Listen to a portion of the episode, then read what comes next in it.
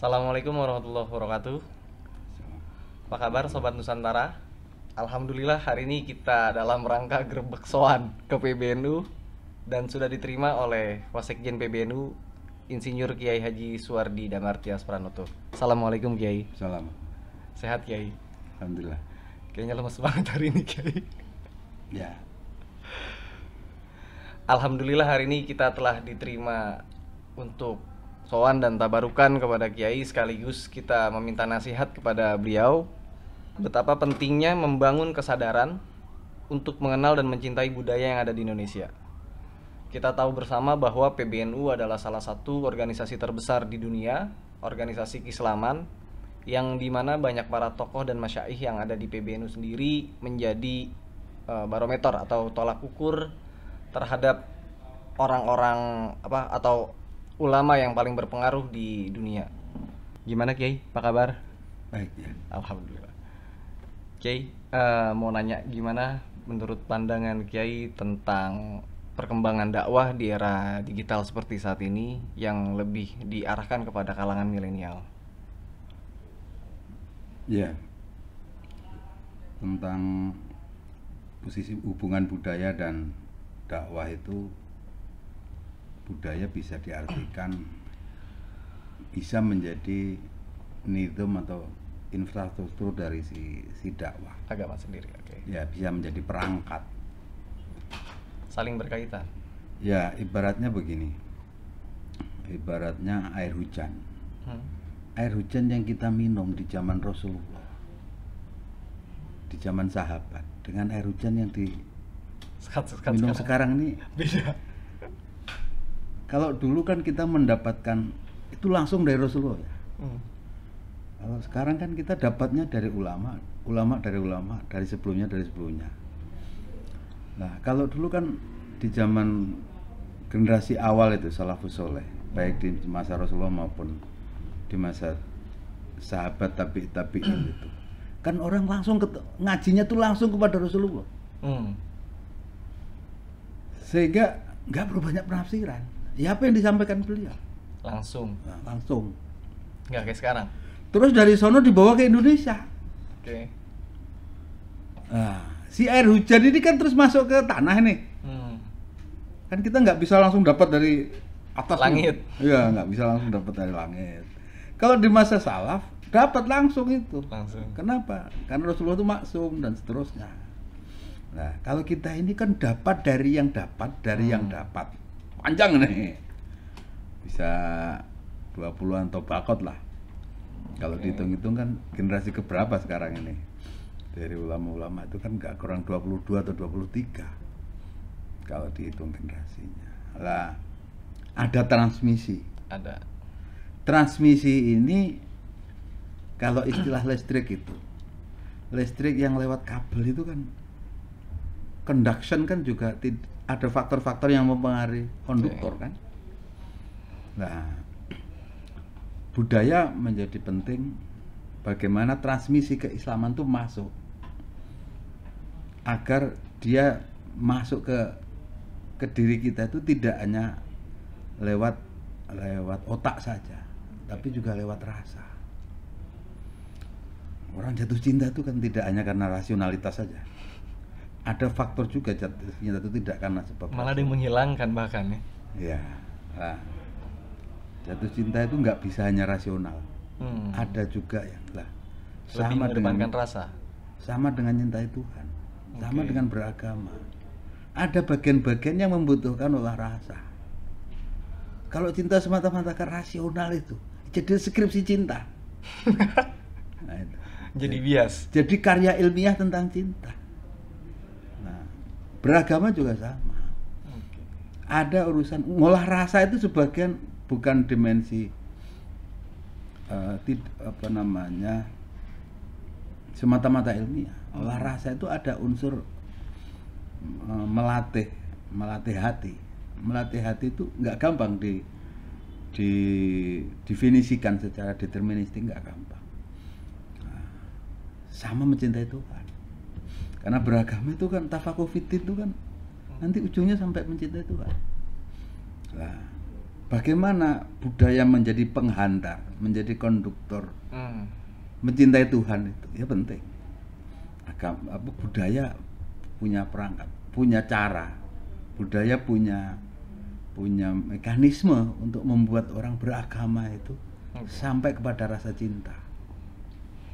Jadi tafakufitin di situ sampai kepada hub, Oke. sampai ke cinta. Nah, ketika ukurannya sampai melibatkan cinta, maka dia tidak hanya rasio, tapi juga rasa. Orang yang punya tanah punya sejarah. Mhm. Orang yang punya sejarah punya karakter. Jadi memperkuat karakter itu bisa dengan kesadaran sejarah. Memperkuat cinta bisa dengan merunut tadi Hmm. alur-alur tadi, alur-alur transmisi itu. Demikian eh, ketika masuk ke ruang-ruang pribadi orang-orang, anak Individunya. muda, mau anak muda mau orang, Orang tua, cinta itu nggak mengenal usia Hmm. dan cinta itu kalimatnya bisa bisa lewat musik, bisa lewat apa saja. Apa pun. Nah, nggak bisa diwakili hanya satu dua kosakata. Definisi terlalu panjang untuk mendefinisikan cinta dan bisa juga terlalu terlalu pendek untuk itu. Nah, kenapa? Karena dia ada unsur rasa. Nah, Hmm. agama kalau semata-mata hanya rasionya itu nanti kering. Tapi kalau ditarik ke jiwanya agama, mau nggak mau perlu budaya. Jadi ruhuddin itu membutuhkan perangkat-perangkat budaya, membutuhkan latihan-latihan me- mengasah hati Hmm. sampai mendapatkan jiwanya agama. Sebagaimana orang dapat mendapatkan jiwanya cinta itu nggak cukup hanya dengan melakukan rasionalisasi baca ensiklopedia cinta nggak cukup hanya itu Apalagi sanat gurunya ke Google. Ah, kan gitu Nggak ketemu. jadi memahami menempatkan agama di sekarang ini itu bukan sekedar ensiklopedia berjalan Hmm. tapi agama juga sejak dulunya diturunkan kan justru untuk untuk apa namanya nata ruang-ruang rasa itu nata akhlak itu kan ruang rasa Penting banget itu. ya makarimal akhlak itu kan bukan hanya rasio kan Betul. karena akhlak Nah, karena dia nata akhlak maka akhlak itu termasuk termasuk eh, budi bahasa termasuk eh, karya budi termasuk karya cipta. Nah, menjadi luas wilayahnya. Nah, di sinilah apa namanya mau situasinya berubah kayak apa. Seperti apa pun. Nah, kalau rahasia dan rasionya tadi disinkronin, ngelatih rasionya ya baca buku yang standar, baca-baca yang standar, ngelatih rasanya ya ada caranya lah, bisa wiridan, bisa apa, bisa nyanyi Baik. lagu-lagu yang bagus kan. gitu. Ini kita berangkat dari keprihatinan pada hari ini khususnya kepada generasi-generasi di bawah saya khususnya Kiai seperti kalangan di Gen Z atau milenial pada umumnya kita tahu bersama bahwa pada hari ini mereka agak kesulitan menemukan air murni yang dari sumber hujan tadi. Jadi ketika dia mulai terbentur dengan beberapa budaya-budaya baru, budaya serapan dari luar seperti K-pop dan lain-lain sebagainya itu menjadikan bahwa apa yang dia lihat saat ini oh ini eh, tergantung pangsa pasarnya nih. Marketnya lagi bagus dan orang banyak yang lari ke arah sana. Sehingga begitupun dengan pemahaman agama yang pada saat eh, pada hari ini mereka pelajari. Mereka hanya mengambil dari satu sumber dan kalaupun sumber itu baik bagus alhamdulillah. Tapi ada yang bertolak belakang dengan budaya yang ada di Indonesia. Itu gimana Kiai? Ya ada cara-cara kan. eh, Banyak. Mana-mana yang penting, mana yang baru yang dipakai, mana-mana yang yang harus dirawat, mana-mana yang inovasi baru yang harus eh, dikembangkan. Hmm. Al mukhafadatu qatimi soleh itu akhir jaditil aslah itu kan luas pengertiannya. Betul. Nah, saya rasa banyak cara-cara untuk eh, atau banyak perangkat-perangkat yang dicontohkan sebagai tool untuk melihat itu. Itu bisa eh, secara baik secara normatif maupun secara metodologis sungguhnya banyak. Tinggal kitanya mau belajar apa enggak. Saya rasa masih banyak pihak-pihak yang bisa ditanyain ya, referensi-referensi yang bisa dirujuk kembali untuk bagaimana nyikapi berbagai perubahan-perubahan itu. Hmm. Ini kan soalnya kadang-kadang kan kita nggak sempat baca aja, Betul. nggak sempat baca referensi-referensi yang sesungguhnya tidak bertele-tele, dia prak- bisa praktis-praktis gitu, dia Hmm. bisa menyediakan banyak tool. Hmm. Hanya kan dari milenial sendiri maupun apalagi Gen Z, mereka agak jarang yang untuk buang melihat ke dalam tulisan gitu. Mereka lebih fokus mencari sesuatu hal yang baru, apalagi yang lebih sensitif seperti agama nyari di Google atau di YouTube. Ada begini, ada pengibaratkan agama itu sebagaimana rumah, madhab itu sebagaimana pintu. Hmm. Kayaknya mazhab juga anak sekarang kayaknya nggak paham tuh mazhab Nah. apa. Taklid buta semua kayaknya. Masuk rumah ini kan perlu lewat pintunya. Betul. Nah, memahami agama perlu dengan pendekatan bermadhab itu Hmm. layaknya kita bikin skripsi atau disertasi ya dengan metodologi yang standar. Hmm. Lah, metodologi itu yang menyusun imam-imam madhab. Hmm. Karena itu kalau beragama tanpa bermadhab itu ya mirip-mirip bikin skripsi nggak pakai metodologi. Jadi ngarang sak karap-karapnya kita. Nah, itu kan nggak lucu. Nah. Pembimbingnya nggak jelas. nggak jelas kan gitulah. Nah, saya rasa pentingnya beragama dengan pendekatan bermadhab itu karena di dalam madhab menyediakan baik manhaj maupun kaul, baik kerangka metodologis maupun pendapat-pendapat standar Hmm. yang eh, sudah diuji dari waktu ke waktu. Betul. Ya, bahkan ada taksis dan seterusnya itu kan menunjukkan pendapat yang di eh, dimunculkan di kawasan A bisa ketika mau diterapkan di kawasan B itu ada penyesuaian itu itu eh, standar dari ulama-ulama madhab tidak mungkin gegabah dalam itu karena itulah bermadhab bisa saja karena kaulnya Hmm. bisa karena manhajnya bisa karena metodologinya Banyakan kita ini kan sudah tinggal enaknya generasi kita ini sebenarnya. Betul, saking enaknya, saking enaknya dia nggak bisa beda ini mana yang ben- bukan masalah benar atau salah ya, tapi mana yang lebih cocok dengan diri dia dan mana yang lebih relevan dengan keadaan dia hari ini kan gitu. Ya, yang berat-berat sudah dibahas oleh tiga empat generasi sebelum kita.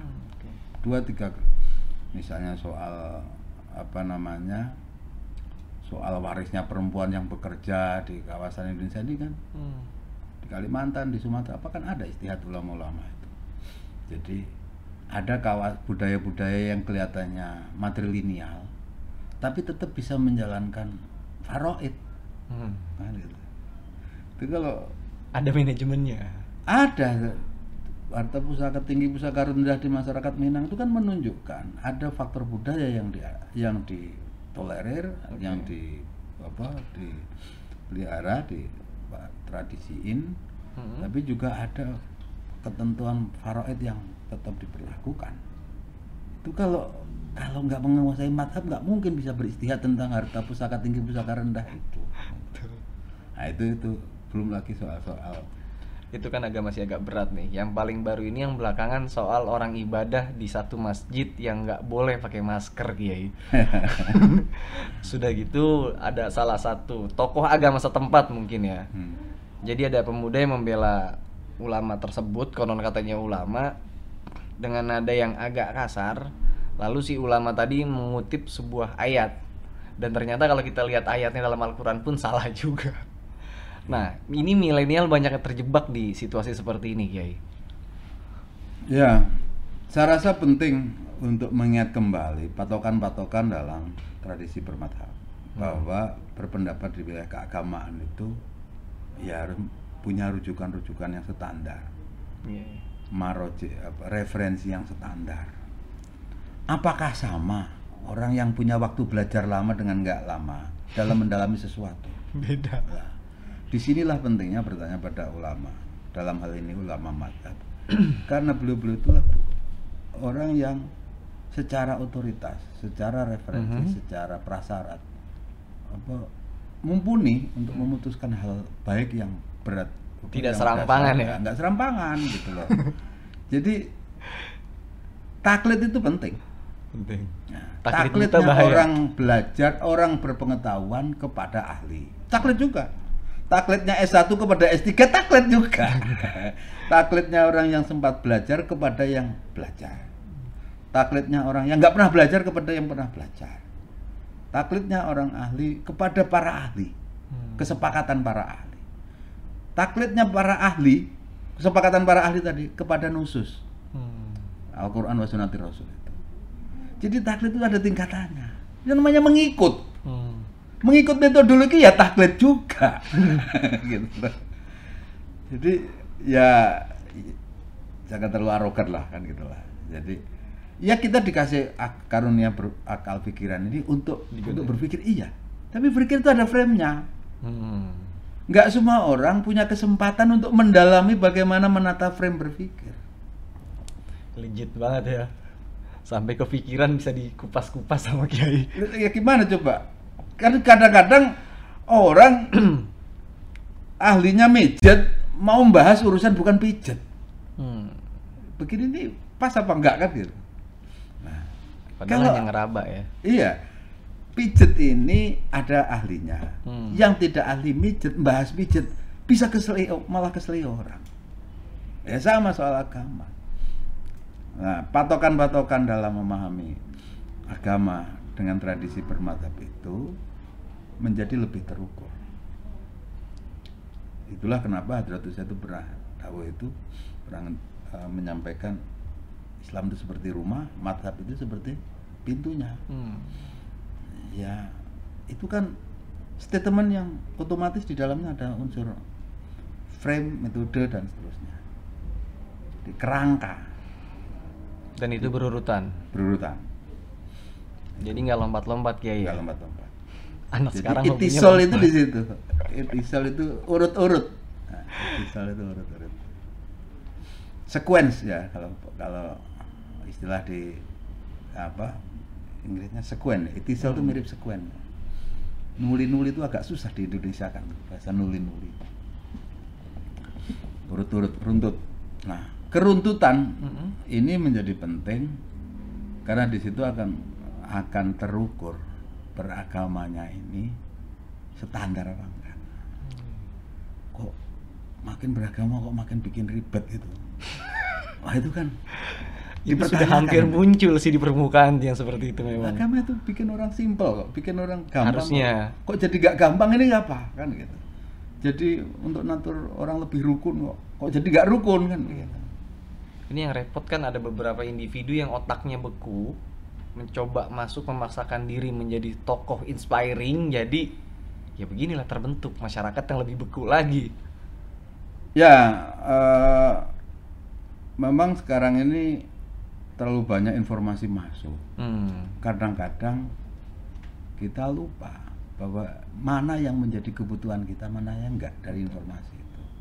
Makin banyak informasi, sesungguhnya ibarat mobil itu rem dan persnelingnya harus makin pakem. Nah, filternya harus standar. Nah, apa? Ya patokan-patokan dalam tradisi beragama yang standar.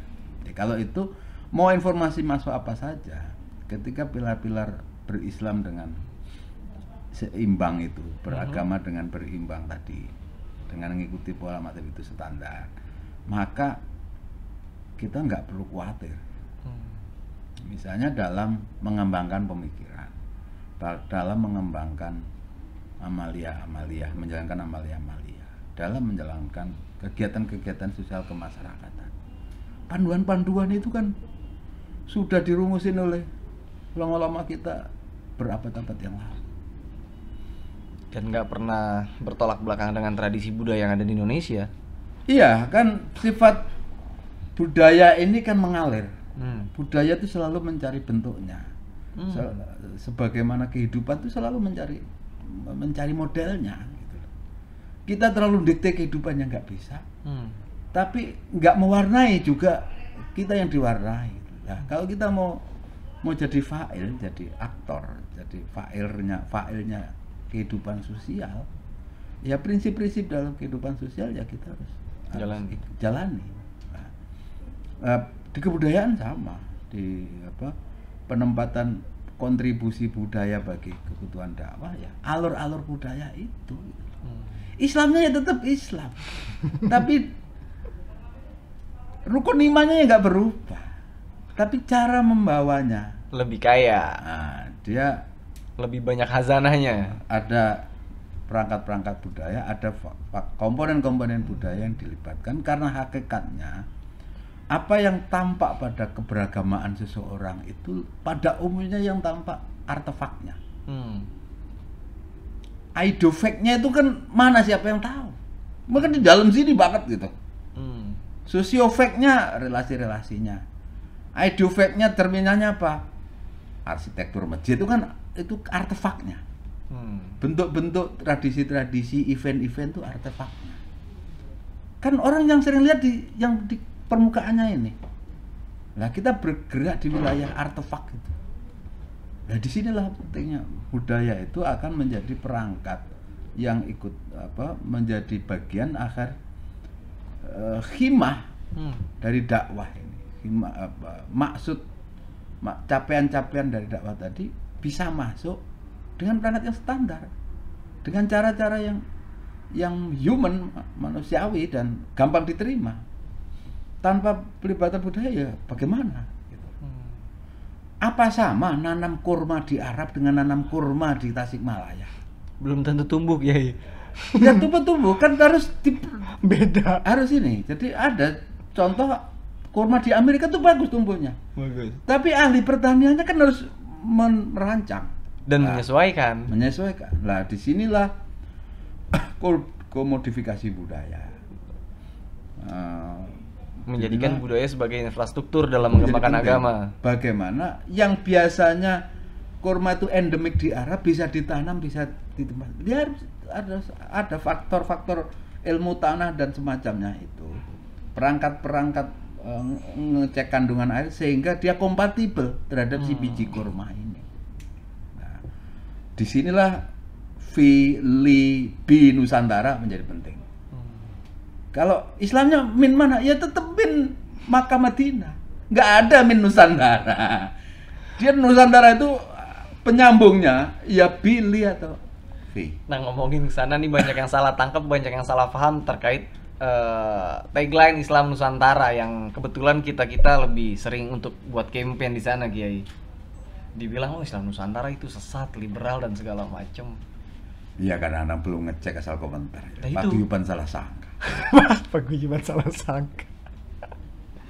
Dan mirisnya lagi rata-rata yang banyak komen itu justru mulai dari kalangan usia 30 35 bahkan sampai kalangan milenial pun jadi banyak ikut yang ikut komentar di sana. Ya kita bikin selamatan macam-macam itu supaya agama itu bisa dimiliki oleh sebanyak mungkin orang Gitu. dengan caranya masing-masing. Kan Yang eh, tadi kayak bilang cinta mendekati Tuhan. Ya, jadi sama yakin nggak orang tahlilan tuh mesti menguasai kalimat tahlilan, Hmm. mesti tahu maknanya. Sama yakin nggak? Tapi sama yakin nggak orang tahlilan tuh di dalam perasaannya tuh ada rasa sehingga dia menyenangi tahlilan. Ada. Sama bagaimana tuh menu- mendefinisikan perasaannya orang tahlilan? Sulit.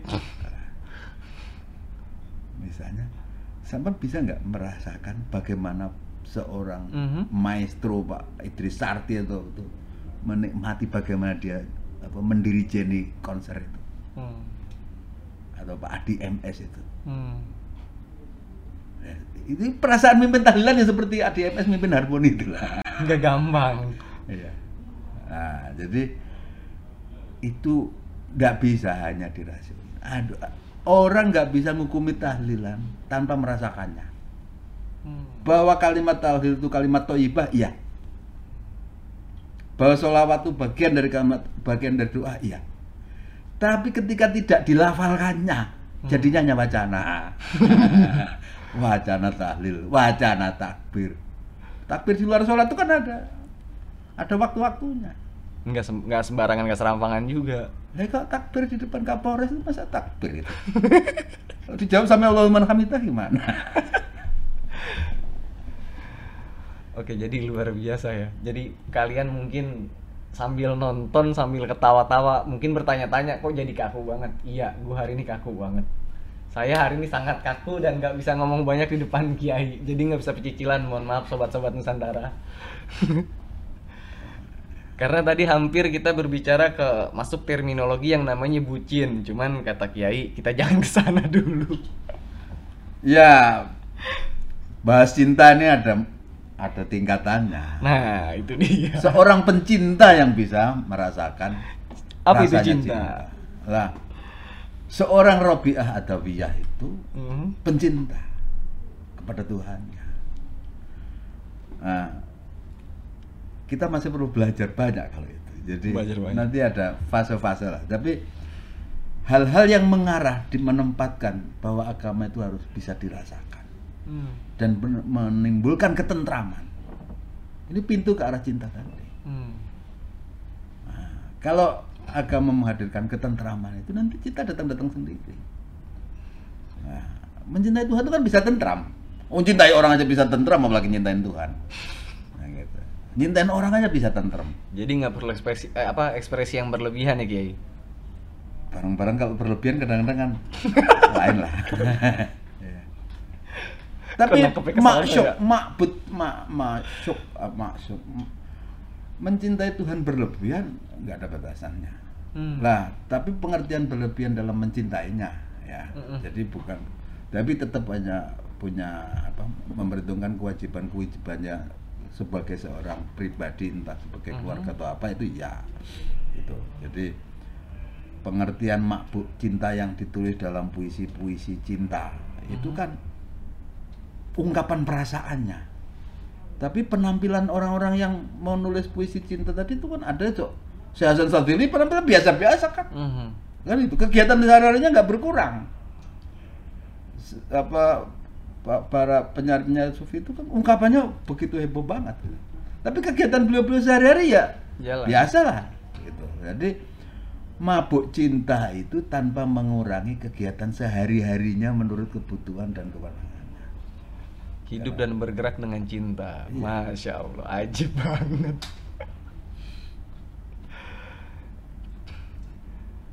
Jadi apa ya kalau kita melihat anak-anak sekarang mungkin karena dinamikanya mereka juga kalau bicara seputar keislaman tentang keagamaan, cinta tentang agama mungkin karena lagi menggebu-gebunya kali Kiai. Iya iya orang baru belajar pencak itu kadang semua jurus orang lain dievaluasi. Dikit-dikit mau ngetes. Nah, ini yang bahaya memang. ya nggak apa-apa. Tapi kan orang tuh nanti akan ada ra- perasaan berat. Nanti ibarat kopi itu kalau baru diaduk itu belum ketahuan mana endapannya. Betul. Coba dibiarin sebentar nanti kelihatan endapannya ini. Yang turun dengan sendirinya. Iya, oh, ini yang campuran jagung apa, yang campuran kelapa, yang kopi murni kan ketahuan ketika ngendap ini. Lah, demikian dalam dinamika sosial terhadap wacana-wacana keagamaan itu Mhm. ada bagian yang harus diendapkan sedikit, jangan langsung kita reaksi. Hmm, Bisa jadi beberapa orang hanya karena kekurangan referensi. betul. Ya kasihan. Orang udah kekurangan referensi hanya gara-gara bikin kita agak dongkol terus kita reaksi berlebihan ya kasihan lah. Sama-sama kita pak paguyuban salah sangka nanti namanya. Pak paguyuban dua sangka ketemu kan paguyuban salah paham itu. Cocok. Ah. Baik Kiai, Iya. sebagai penutup eh, penutup mungkin Kiai bisa memberikan nasihat kepada teman-teman di rumah yang nonton podcast kita kali ini Hmm. tentang pentingnya memahami budaya dengan cinta agar terwujudnya Islam yang rahmatan lil alamin tanpa harus adanya paguyuban berburuk sangka. Ya, mestinya kita makin mendalamin agama, kita makin tentram, dan kita makin rukun dengan banyak orang. Karena agama itu di antara fungsinya untuk menjaga etika. Makarimal akhlak ini kan tidak hanya akhlak kepada Tuhan, tapi juga akhlak kepada sesama Sama. manusia, akhlak kepada alam.